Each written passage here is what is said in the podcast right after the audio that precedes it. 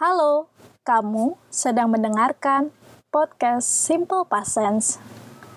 Sebuah jurnal suara dari saya, Nadia. Jurnal ini tentang puisi, pemikiran pribadi, dan diskusi dengan pikiran dan hati. Jadi, selamat menikmati. Halo,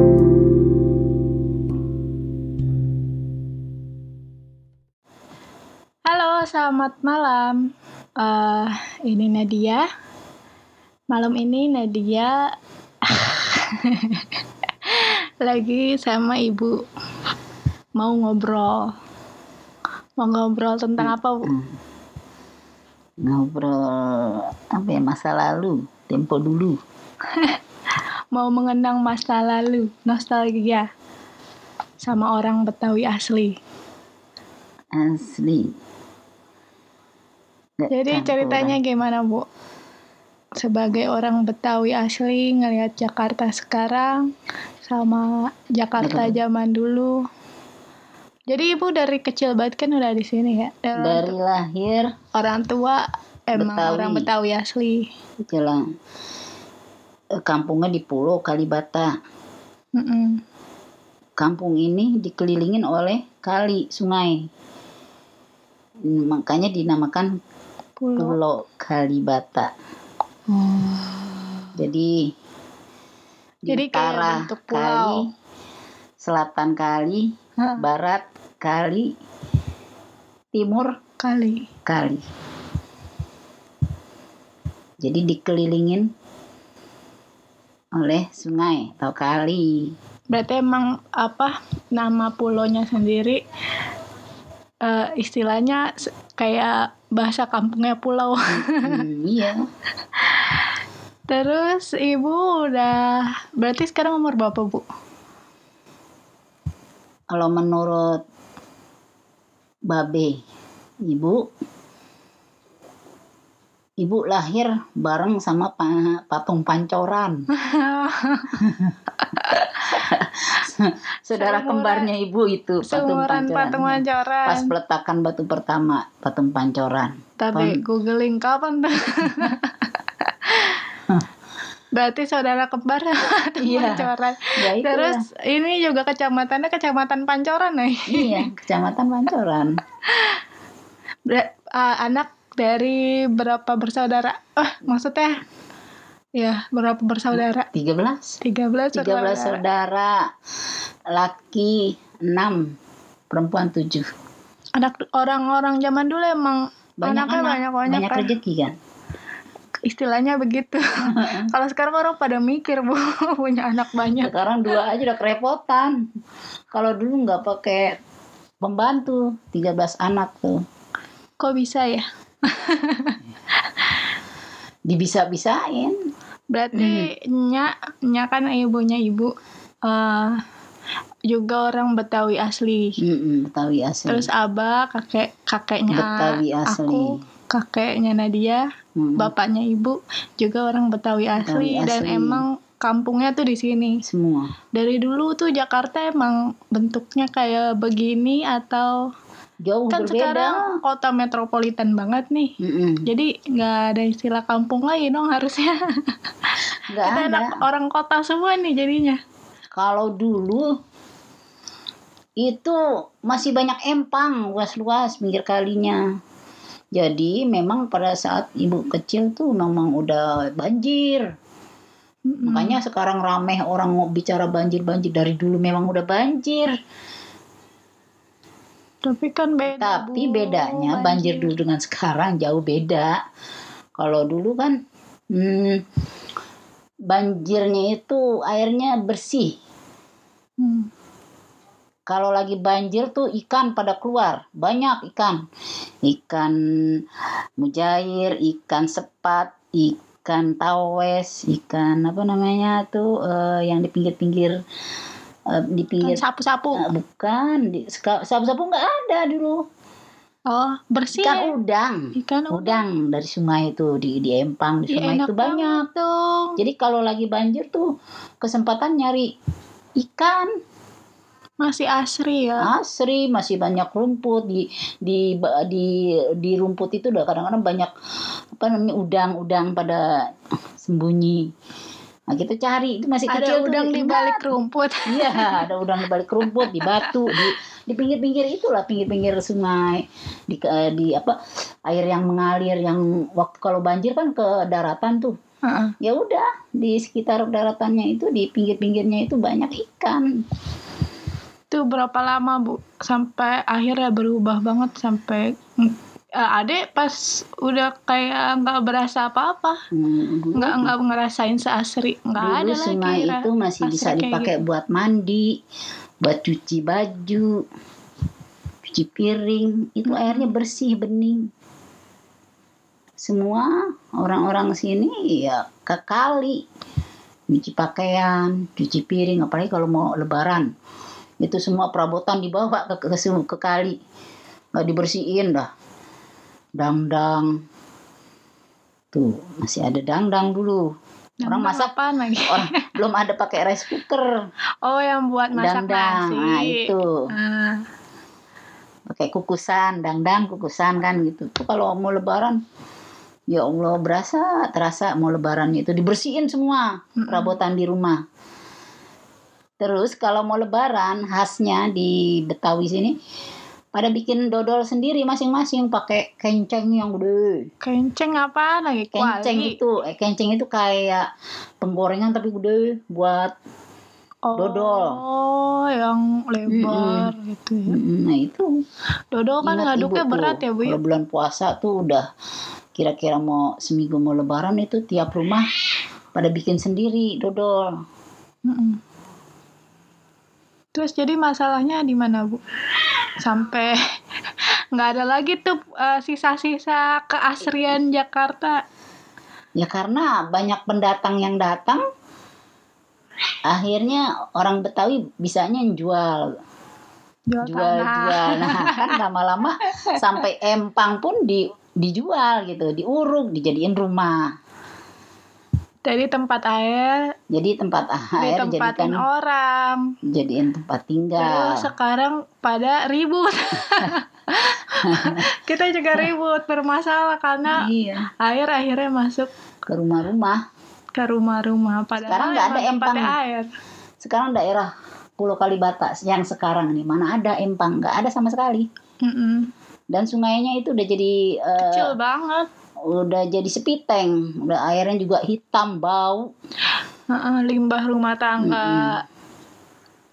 limbah rumah tangga kotoran ke situ pabrik-pabrik tahu limbahnya ke situ ke, ke kali Mm-mm. Jadi dulu nggak ada nggak ada ya seperti emang itu emang bukan Dulu. apa bukan Dulu. salah air ya itu masalah air banjir sekarang masalah lingkungan masalah apa ya eh seperti pohon-pohon dulu. Mas semua ada di sini.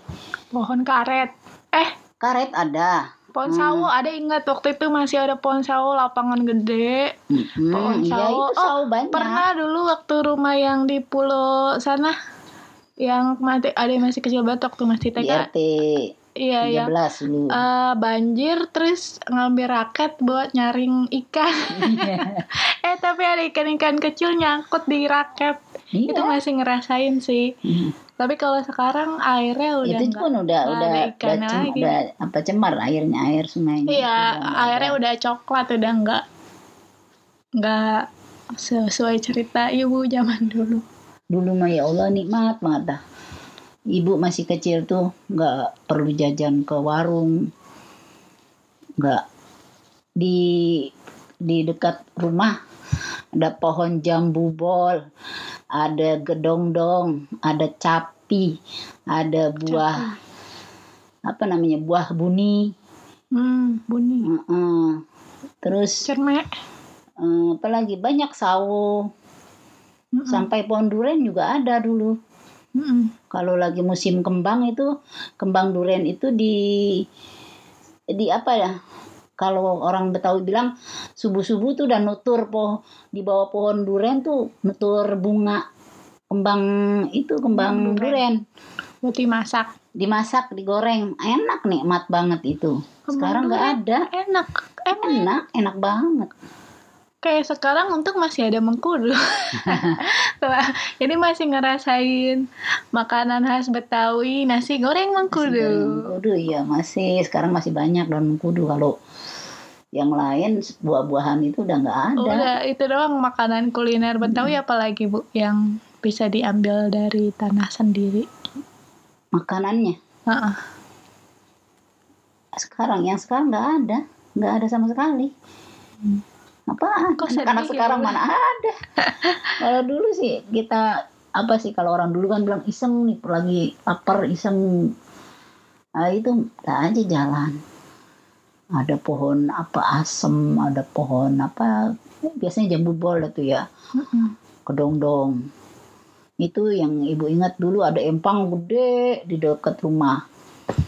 Di pinggir empang itu ada pohon apa namanya itu pohon kedongdong pohon jambu capi Terus Pokoknya kalau buah-buahan dulu ibu ya. berenang.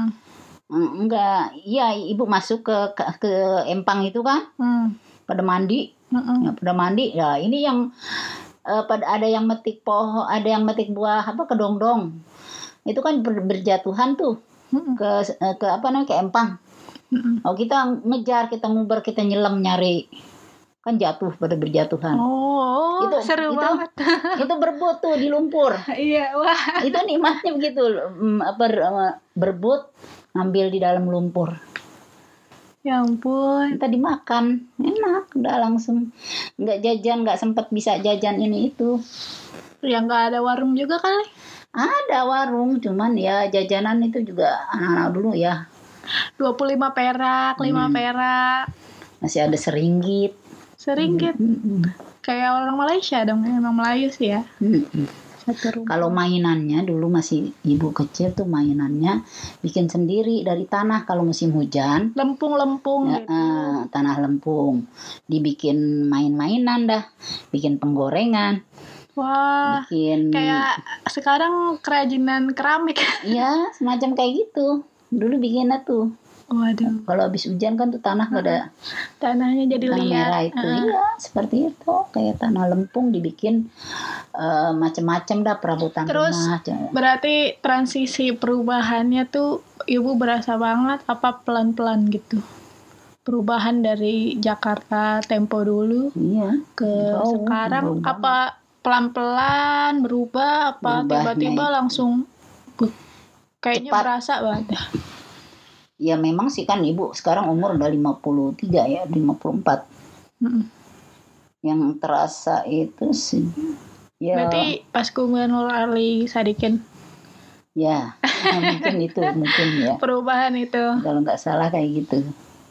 terus tata kota juga sebenarnya nggak nggak bener gak sih tata kotanya emang tempat air sih ya jadi Iya, nggak bisa tempat air, disalahin bisa juga disalahin. Masih jadi kalau orang teriak-teriak, "Wih, Jakarta banjir, gubernurnya disalahin." Aduh, siapa pun Nggak gubernurnya nggak bisa nyalahin ya nggak bisa. Memang tempatnya udah Emang tempat air, apalagi punya- sekarang tempat air mengalir udah nggak Ditutup. ada peresapan air juga Diuruk. makin nggak ada ya nggak ada. nggak berarti ada bukan resapan. kesalahan gubernur kesalahan orang yang tinggal manusianya semua iya benar tidak dipertahankan. tapi kan ya sebagai pemerintah gitu kan harusnya ada apa ya? Solusi. Iya ngasih solusi kan tiap tahun makin parah nih Hmm. otomatis apalagi pemanasan global makin tambah memperburuk gitu kan tapi pemerintah tuh harusnya ada untuk menjamin apa ya kesejahteraan rakyatnya kan harusnya Hmm. jadi walaupun manusianya yang salah tetap nempatin tempat air gitu istilahnya eh, pemerintah juga harusnya punya apa gerakan gitu Hmm. yang Harusnya ditata, harusnya di apa dikasih aturan-aturan dari kebijakan dari pemerintah nah itu supaya lingkungan jangan terlalu berubah drastis.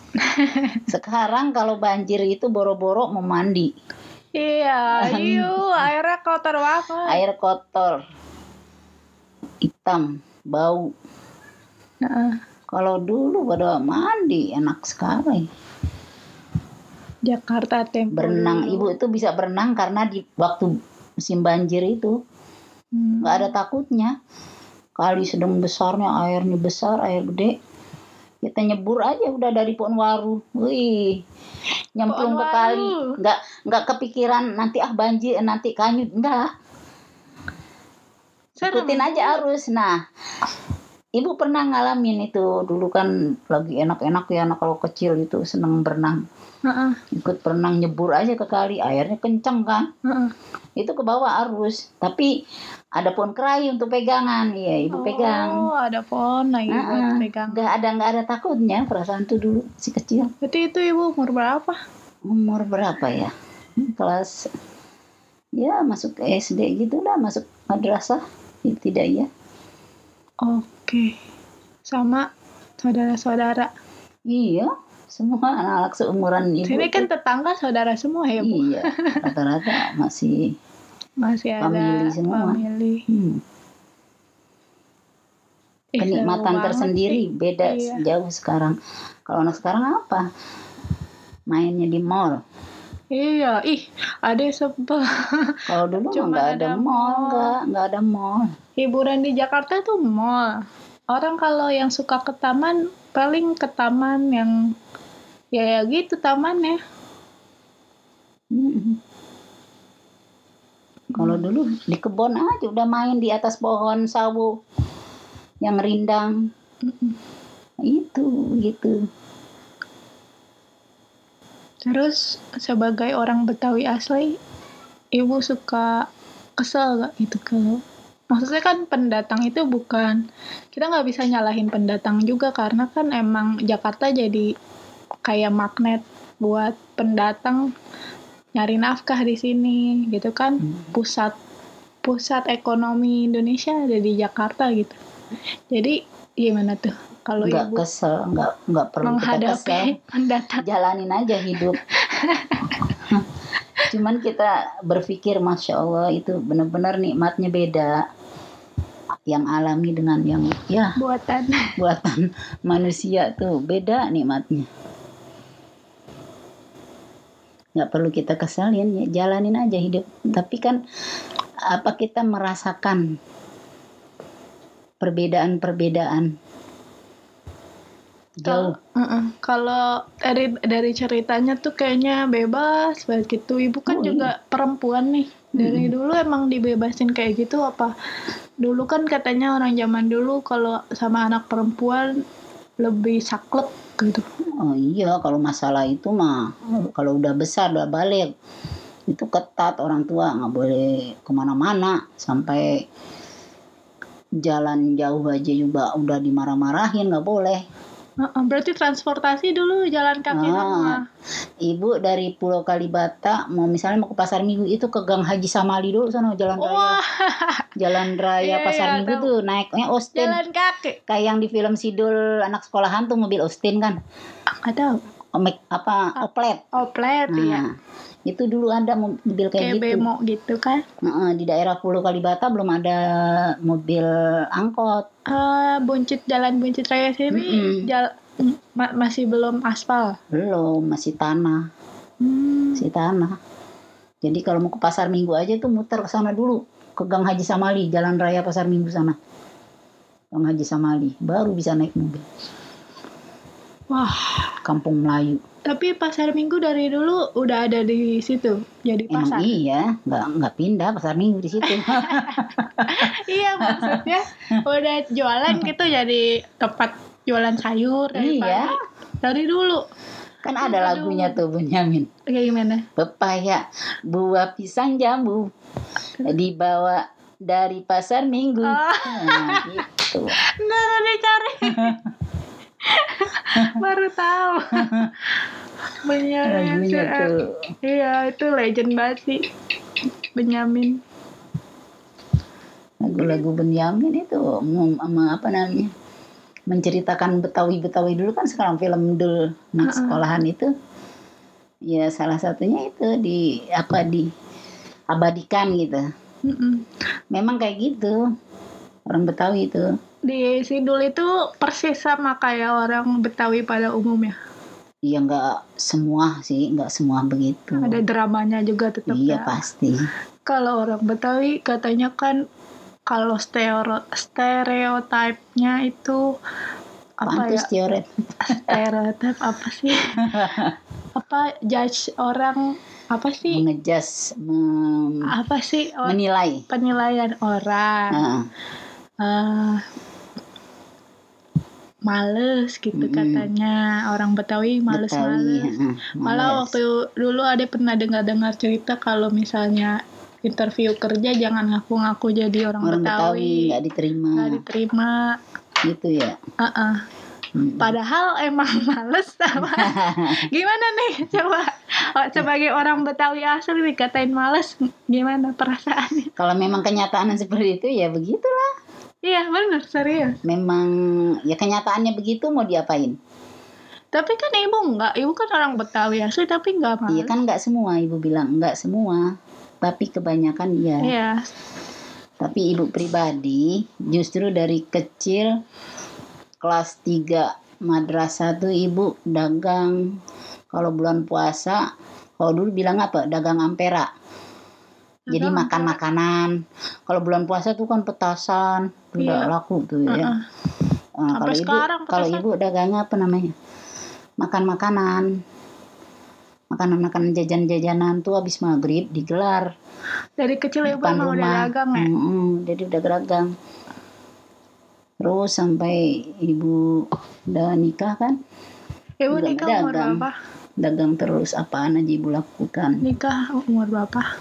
Umur berapa ya? Umur 20 22 kali. 22 apa iya 21 gitu. Iya. Itu orang tua ibu kan dulunya eh, konveksi. Konveksi baju ya konveksi dijualnya ke Tanah Abang. Tanah Abang Cipulir. Hmm. Tanah Abang Cipulir Jatinegara. Hmm, sampai ibu itu juga sekitar tahun lanjutin. 90-an itu. 80 90-an itu. Akhirnya ibu belajar dari situ hmm, apa namanya dagang. Mm-mm. Tanah Abang nah alhamdulillah waktu pas mm, adek 95 Ah, pas Nadia lahir. lahiran tuh lagi enak tuh. Pas- Uh, Nadia lahir berjaya coy. apalagi moneter Krisis moneter Krisis ya moneter. kan 98 yang ada ah, kerusuhan itu. Soeharto turun lengser Gimana tuh Ibu? Iya, itu itu, dolar kan sampai mencapai 16 16 ribu. 16 ribu Ah, dari dulu kan eh, eh, dolar itu cuma 2.500 2000 terus tuh naik tinggi banget. lonjak tajam itu sampai 16 Ceritain deh pas Ibu waktu itu katanya lagi di pasar ya waktu kejadian oh 98. iya lagi ada kerusuhan dibakar-bakarin itu itu ibu lagi di Cipulir lagi jaga toko. Nah, kan rameh tuh kerusuhan. Nah, ibu, orang semuanya pada keluar nutup toko. Ibu bingung kok pada rameh gitu. Eh nggak taunya nggak ada angkot katanya. Heeh. Nah, akhirnya buru-buru ibu tutup. Ibu angkot terakhir itu ibu pulang sampai ke Blok M. Ke Blok M dulu. Blok M baru ke yang arah Pasar Minggu Oh, mobilnya 75 udah ada belum? ada 75 dari Blok M. Iya tuh. Nah Terus itu dagang lagi enak. berarti pas krisis malah kita lagi kayak kayaknya ya. Iya, masalahnya kan kita jual baju, Jual pakainya dolar. Oh, jual bajunya buat ekspor. Mm banyak kan orang Afrika kan di Tanah Abang itu mm, Mm-mm. borong pakaian, baju-baju. Itu baju-baju dari Pitrase aja bisa laku mahal. Bahannya Pitrase murah. apaan? Pitrase itu untuk hordeng. Oh, bahan hordeng. Bahan hordeng dibikinin baju. Itu yang beli orang Afrika, Mm-mm. dibeli pakai dolar, berebut itu. Berebut apaannya? Barangnya, bajunya Orang Afrikanya berebutan. ya rebutan, nggak ada barang, jadi kok diborong semua sama Oh, orang Afrika. dia buat dipakai. Iya di Afrika itu balik Kan bajunya. gerah ya. Ya itulah. Nggak tahu deh. Aku lagi ada alhamdulillah itu jo apa namanya? keuntungan lumayan Mm-mm. tiap hari pesanan Terus seminggu minta alhamdulillah 500 bisa losin sampai punya rumah. Hmm, ya itu dari situ dalam tahun 9 tu- 97 ya 96 97 98, pas yang kerusuhan itu 98. Itu alhamdulillah bisa kebeli rumah yang tadinya ngontrak Beli- Ngontrak, kebeli tanah pindah-pindah. kosong terus ibu ibu bangun ya itu terus sampai alhamdulillah bertahan sampai sekarang punya rumah nggak kejual maksudnya nggak habis Alhamdulillah. Mm. Walaupun naik turunnya berasa banget ya Bu ya. Iya. Roller coaster. Wih. Nah, sekarang udah nggak nggak bisa seperti dulu lagi udah nggak bisa konveksi lagi karena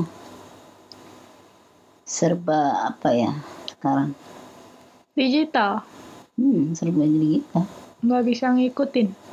nggak nggak bisa emang terus terang aja Emang bodoh waktunya diterusin sama anak-anak ibu. ya di samping Sama udah tenaga adik. udah beda Sama. semangat juga udah ya karena kalau udah tua gini kan tenaga udah beda jauh dulu Iya. sehari bisa ke Tanah Abang Cipulir eh Cipulir dari Cipulir Tanah Abang nanti dari Tanah Abang ke Jatinegara bisa gitu sekarang udah kakinya udah sakit Udah punya cucu berapa nih? Enam Enam. anak kan lima yang Anak nikah lima. tiga Nikah tiga. Tinggal dua. Mm. Cucu sat- masing-masing satu, dua. Satu, dua. Satu anak, dua cucu. dua cucu sepasang sepasang Terus Ya, kira-kira aja ibu ngeliat aja Jakarta ke depannya gimana?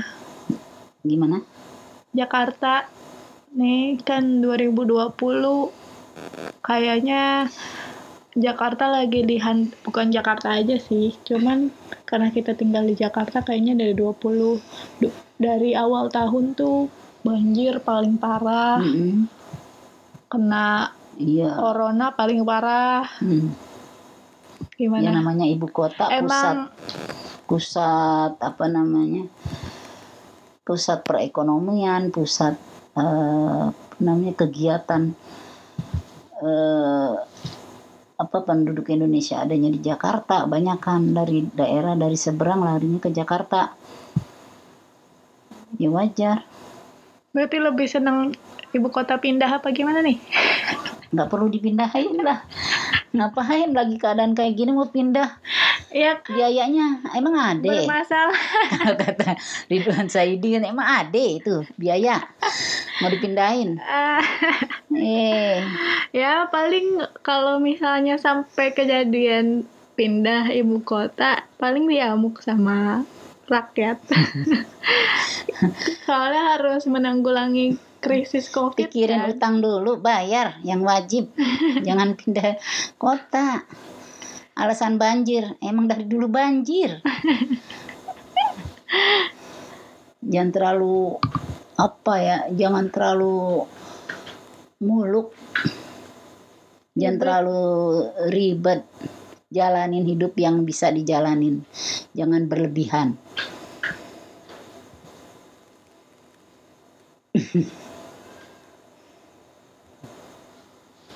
Tuh dengerin guys terus?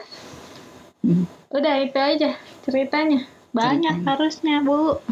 Cerita kalau mau diceritain banyak. Banyak banget. Sampai punya 13 saudara juga pasti kan pasti yang banyak ribut-ributnya seru-serunya. Resiko punya anak banyak ya masalah juga banyak. Maaf. karakternya kan beda-beda tiap anak Nah, ibu kalau ngelihat anak-anak ibu gimana? ya itu beda-beda kan karakternya nggak sama Mengendalikannya gimana? Mengendalikan. Sampai apa jalanin sih? aja sesuai Sebenarnya aturan kalau kalau dari ajarannya sama abah gitu yang paling dipakai banget sampai ibu ke anak-anak tuh kayak gimana? gitu harus belajar agama Hmm. tiap anak jangan sampai lepas dari ajaran agama. Semua yang dilarang harus dijauhin, yang diperintah oleh Allah dan Rasulnya itu harus dijalanin kalau itu kalau yang mau selamat hidup makan gitu. Hmm. Tapi kan anak-anak ibu nggak kan maksudnya yang cuma di pesantren kan cuma akan aduh itu petasan lah gitu ah ya lo kerekam deh. Kesel banget kalau ada petasan apa tadi? Anak-anak ibu yang di pesantren itu cuma alka. Yang lainnya tuh anak-anaknya di sekolah umum semua kan kayak ade abang. Malah tapi yang lain masih ikut rohis. Ade kan enggak nih jadi kalau Ya kan bisa kelihatan hasilnya. hasilnya yang kayak gimana aktif di hasilnya gimana sering tetap ngaji sama ini enggak beda. beda maksudnya Mm-mm. kalau ngaji itu kan bacaan doang tapi kalau yang Enggak gitu ngaji itu. gimana? Ngaji itu kan ngaji itu artinya aslinya mengkaji. Eh, iya Iya bukan ngaji cuman baca aja nggak ngerti nggak tapi paham. kan semua kebanyakan sih? Iya itu kan salah kaprah ngaji itu ngaji, baca aja. baca aja cuman buat pahala Maksudnya, Cari pahala cari gitu ya. pahala gitu kan Ngumpulin pahala. Heeh. kalau kita kan ngaji Sebetulnya nggak begitu nggak bukan ngumpulin pahala aja dah. Ya akibatnya jadi bodoh. Nggak ngerti-ngerti orang nggak belajar. Udah baca aja yang sebanyak satu huruf dulu kebaikan. Nah kalau yasin sampai selesai berapa huruf? Banyak deh banyak gitu nah akhirnya udah nggak usah pelajarin nggak usah dipahamin nggak usah ngerti nah isinya itu kan yang Nah, itu jadi mengerikan bodoh dari masyarakat kebanyakan. Kan emang penerapannya begitu. Maksudnya is- muslim-muslim di Indonesia iya kebanyakan itulah salah begitu. kaprah. Sekarang kan udah ada zamannya YouTube belajar dari ulama-ulama yang ilmunya bisa diandalkan bisa menjelaskan segala hal dengan dalil-dalil dan argumentasi yang kuat berdasarkan Al-Quran menurut sunnah Rasul hadis Nabi. Hmm. jadi emang pegangan pertamanya agama ya? Oh, iya. Kalau di lingkungan man ta'allamal Qur'an wa 'allamahu sebaik-baik kamu orang yang belajar Al-Qur'an dan mengamalkannya, mengajarkannya ke orang lain. Hmm. kalau dari lingkungan sendiri kan kita di lingkungan NU nih Mm. menurut ibu kenapa sih sampai ada apa ya ada NU ada Muhammadiyah gitu Ya memang dari dulu antara NU sama Muhammadiyah itu kan adik kakak. Heeh, tapi kan kalau orang-orang yang itu kan suka bentrok gitu bu. Nah, itulah orang yang ada aja yang kadang-kadang orang apa namanya eh, berbicara berdasarkan bukan berdasarkan ilmu dia berdasarkan perasaan. Nah itu salah. Harusnya berdasarkan ilmu. Ah perasaan nggak begini. Ah perasaan nggak begini jangan begitu rujukannya jangan perasaan tapi ilmu patokannya. Hmm. Al-Quran dan eh, Sunnah Rasul. Al-Quran menurut Sunnah Rasul menjadi pandangan dan sikap hidup kita. Itu yang yang benar. Tuh dengerin guys. Nggak bakalan istilahnya kita salah gitu. Kalau kita berpatokan dengan eh, ajaran Allah yakni Al-Quran menurut Sunnah Rasul hadis. Semua kita hidup ini diatur ada aturan-aturannya. Nggak semau kita. Tapi kan orang-orang apa manusia-manusia itu kan emang gitu bu. Sukanya bebas. Ya silahkan aja mau bebas silahkan merdeka. Nggak pernah dipaksa kan ayo loh nggak pernah dipaksa udah dikasih pandangan sikap hidup kasih pilihan mau yang mana mau nur apa zulumat? Ya mau nur ya apa namanya berhasilnya ya jannah. Tapi kalau zulumat ya nar. Ya kebanyakan yang milih. Nah walau tanpa sadar ya buktinya aja kita bisa lihat dari pengrusakan lingkungan itu kan Iya, nggak Bukan sesuai contoh- dengan ajaran iya bukan orang-orang apa aturan Allah menurut sunnah Rasulnya. bukan ajaran Cemaran-cemaran seperti itu dilarang. harusnya kan orang Islam Harus malah dijaga menjaga lingkungan. lingkungan. nah ini terbukti bahwa malah kita yang merusak lingkungan apalagi kalau Hmm. misalnya di pukul rata nih pukul rata kan mayoritas Islam Bu, di Indonesia Iya, mayoritas. harusnya kan sebagai mayoritas kita yang paling apa garda terdepan kalau bahasa mayoritas tapi kualitasnya kagak gitu kan. ah kena lagi Yang penting kita kan kualitas. Jangan ngikutin yang mayoritas. Kita berusaha yang berkualitas. Heeh. itu dia guys kualitas Kita mau jadi jadi- emang kita mau menjadi orang yang mayoritas apa yang berkualitas? kualitas dong. pilihan. La ikroha fiddin nggak harusnya ada. mayoritasnya berkualitas ya bu Iya. Harusnya tapi susah kan manusia maunya ngikutin hawa nafsu, Hmm. mau mengatur diri sendiri tanpa ada apanya punya pe- pedoman, punya sikap hidup. Nah, pandangan dan sikap hidup kita kepada Allah, eh kepada ajaran Allah yakni Al-Qur'an menurut sunnah Rasul. susah bu belajar Al-Quran tuh Ya Allah jangan dibilang susah. Kalau ada kemauan ada aja jalan. Ada ada jalan keluar untuk kita bisa. Niat dulu, niatnya mau apa enggak? Yang masalah. mau mau mau aja Ya mau doang kalau enggak enggak dijalanin ya. Ya kan susah balik lagi muter lagi Gimana dong? Sebagai coba ini pesan terakhir deh. Udah 36 menit soalnya. Pesan terakhir untuk anak-anak muda, terutama adik Nadia Falha Anak-anak muda. Pesan yang ibu mah sekarang hidup di era digital, nggak ngerasain keaslian Jakarta zaman dulu. Pokoknya udah udah di Jakarta tuh udah chaos aja, udah berantakan aja. yang lalu enggak bakal kembali lagi. Sekarang kita jalanin hidup ini apa yang ada di depan kita. Bagaimana caranya supaya kita selamat? Manfaatkan waktu sebaik-baik mungkin. Hmm. Untuk apa? Untuk menata hidup kita sesuai dengan perintah Allah dan Rasulnya. Itu aja. Apalagi zaman sekarang udah akhir, akhir zaman ini. Udah banyak tanda-tanda kiamat. perintah Allah yang mana yang paling diutamain bu?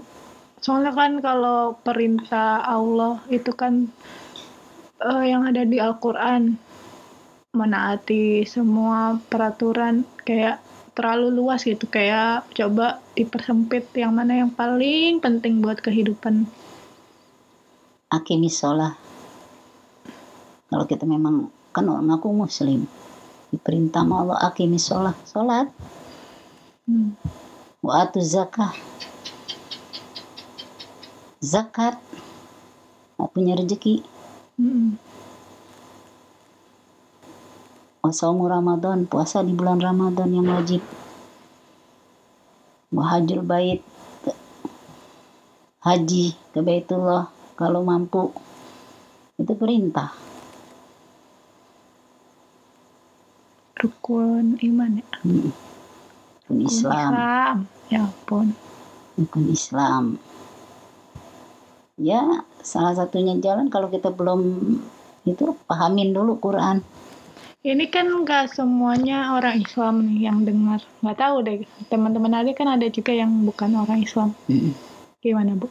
Buat orang-orang Ya secara masing-masing secara umum. dia berkeyakinannya dengan kitabnya apa ya jalanin aja tapi harus pelajarin bisa dibandingkan mana yang lebih objektif Jadi agama itu objektif.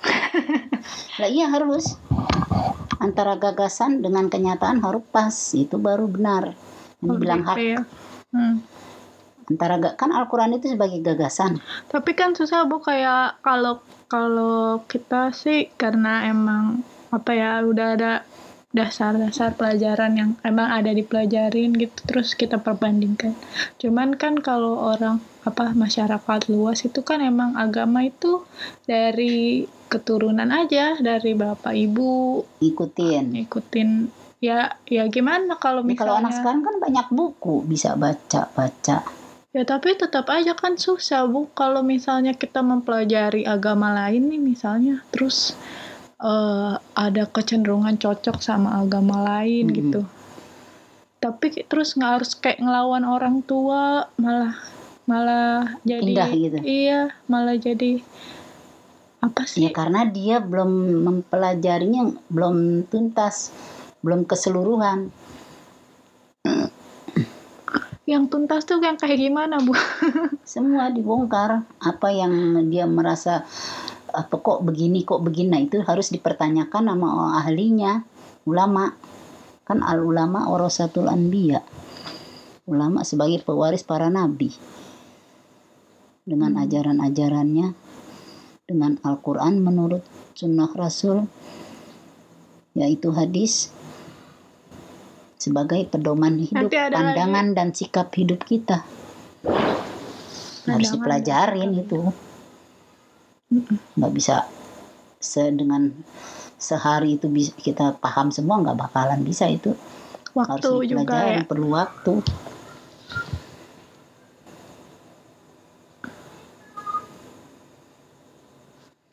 Ya, Seru kan ngobrolnya.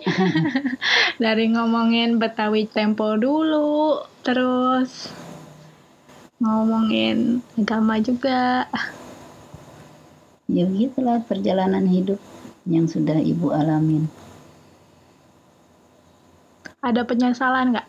Nih, pertanyaan terakhir. Eh, selama hidup nih ada yang apa belum kecapean, apa gimana gitu, terus harapan buat anak-anak ibu. yang belum kecapean ibu merasa masih banyak kekurangan belum mencapai target menjadi orang yang Target menjadi orang menjadi orang yang pas dengan yang Allah inginkan masih banyak kekurangan Kekurangan apaan ibu? Ya Allah, dibanding ibu kan jauh banget. Adek kalau ibu kurang ada apa? Gimana dong? ya harus introspeksi diri kita kan semuanya bakal kembali semua manusia yang hidup ini bakalan kembali ke Allah Iza jaa ajaluhum la yastakhiruna sa'atan wa la yastaqdimun Kenapa? Karena kullu nafsin za'iqatul maut. Setiap yang bernyawa pasti akan mengalami maut, mati. Nah, kita siap, pasti harus dipertanggungjawabkan hidup kita ini di hadapan Allah. Udah siap apa belum?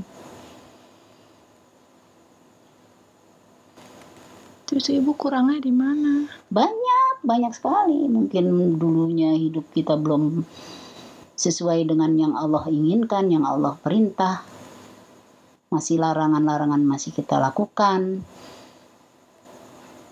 Hmm. Banyak hal-hal yang dilarang kita masih jalanin. Itu ya harus diperbaiki semuanya sebelum ajal menjemput. Terus harapan buat anak-anaknya? harapan buat anak-anak menjadi anak-anak yang soleh, yang laki, yang perempuannya, yang menjadi anak yang solehah, yang bisa mendoakan orang tua, yang bisa memberikan mahkota di surga. Jadi hafiz dong. Ya gitu lah. PR dong. Mampu nggak, sanggup nggak? Sebetulnya semua pasti bisa, cuman tergantung kitanya mau apa enggak. Kan udah ter ini bu terkontaminasi duniawi. Jangan itu jangan dibuat alasan yang udah pasti nggak bisa berulang lagi. Iya waktu itu Jalani ada pernah depan. nanya bu bangga gak kan kayak ada ada pencapaian-pencapaian tertentu. Terus ibu bilangnya bangga kalau ade udah sholat lima waktu. Nah itu yang perlu yang sehari-hari. Udah belum sesuai belum. Tepat waktu sholat. Nggak perlu orang tua ngingetin. Orang tua ngingetin apa namanya bawel Bawel. itu karena sayang jangan sampai anak tuh menyanyiakan waktu sampai meninggalkan sholat Mm-mm. itu yang ibu khawatirkan Salim dulu. ya udah guys, sekian dulu percakapan kita karena sudah panjang banget. Eh, makasih Ibu udah ngobrol. Sama-sama. Nanti kita lanjutin lagi kapan-kapan sama Bapak juga kali ngobrol. Ya. Iya. Wabillahi taufiq wal hidayah. Wassalamualaikum warahmatullahi wabarakatuh. Nah ini ditutupnya kayak nutup acara Mama Dede. thank you